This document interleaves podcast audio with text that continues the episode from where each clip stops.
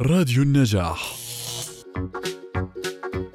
من متى بنقدر نلاحظ آه، بداية آه، فقدان الشهية لدى الطفل؟ من أي مرحلة؟ من أي عمر هلأ مثلا؟ ممكن نقول إنه بعد عمر آه، السنتين يعني آه، الطفل ممكن آه، نلاحظ إنه بلش عنده مشاكل فقدان الشهية من عمر السنتين. قبل هيك ما في خوف يعني ممكن آه، قبل هيك الطفل عم بياخد آه، حليب آه، عم عادة بيكون في رضاعة طبيعية ما في رضاعة طبيعية بيكون في آه، آه، اللي هو الحليب الصناعي. آه، ممكن الأم تبلش تعطيه آه، وجبات. آه، خفيفة آه، لكن انتبهي ميس موضوع ال- ال- الغذاء أو تناول الطعام بشكل عام بيعتمد على الأم أول فترة مهم. سبحان الله في دراسة بتقول حتى الجنين في بطن آه، وهي الأم حامل بصير عنده آه، آه، إحساس في موضوع الأكل والطعام سلام. الطعام ممكن توصل له يعني في كتير أشياء سبحان بعد الله. بعد الشهر الخامس السادس بصير آه، الجنين يشتم رائحة الطعام تمام؟ أكثر شيء مثلا إذا الأم هذه أكلها كان طبيعي وصحي آه، ومهتمة في أكلها من ناحية الخضروات والفواكه والفيتامينات ودائما نقول للأم الحامل اهتمي دائما بغذائك علشان آه، الجنين ما يصير عنده أي نقص آه، آه، في الاحتياجات الغذائية. بيشتم الطفل رائحة الأغذية اللي بتتناولها الأم والمشروبات الساخنة. حتى عادة أعطيكي مثال في دراسة على موضوع اليانسون. إحنا عادة بنركز على مشروب اليانسون آه، للأمهات عشان آه، تهدئة الأعصاب أيوة. عشان فتح الشهية للأم الحامل وبرضه للأطفال. صحيح. ففعلا إنه الطفل بقول لك إنه الأم اللي متعودة على إنها تشرب مثلا ينسون. آه، بعد الولادة الطفل بتقبل الأعشاب وبتقبل مثلا اليانسون بشكل خاص. يا سلام. أما بالنسبة للأم اللي بتشرب ال- الكافيين المنبهات الكتير أيوة. ممكن إنه الطفل يطلع بعد الولادة مزاجه في عصبية يعني في مائل للبكاء.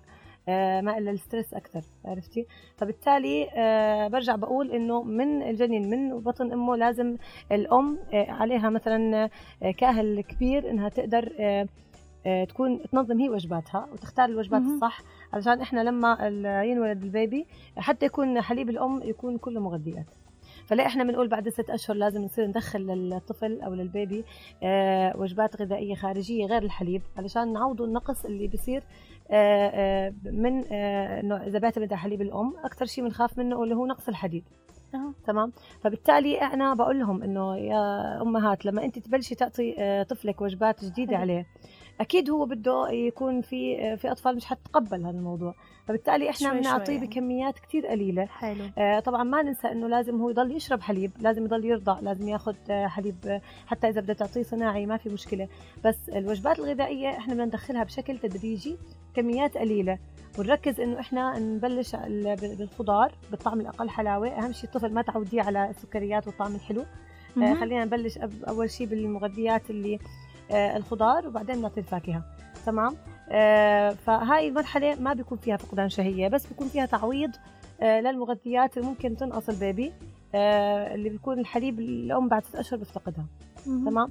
آه، هلأ متى ببلش عندنا عن جد إنه الطفل صار يمتنع حتى عن الحليب. عند التسنين يعني هلا مرحلة التسنين هاي مرحلة كثير حساسة حرجه عند الأطفال. صحيح. إنه آه، بصير في عندنا تورمات في اللثة عند آلام. ال baby بصير في عنده حرارة بصير في عنده صعوبة في النوم. أيوة. بعدين حيكون في عندنا كمان في أسباب نفسية. يعني في أسباب نفسية مثل الخوف مثل آه، مثلا الطفل بيكون متعلق في أمه زيادة.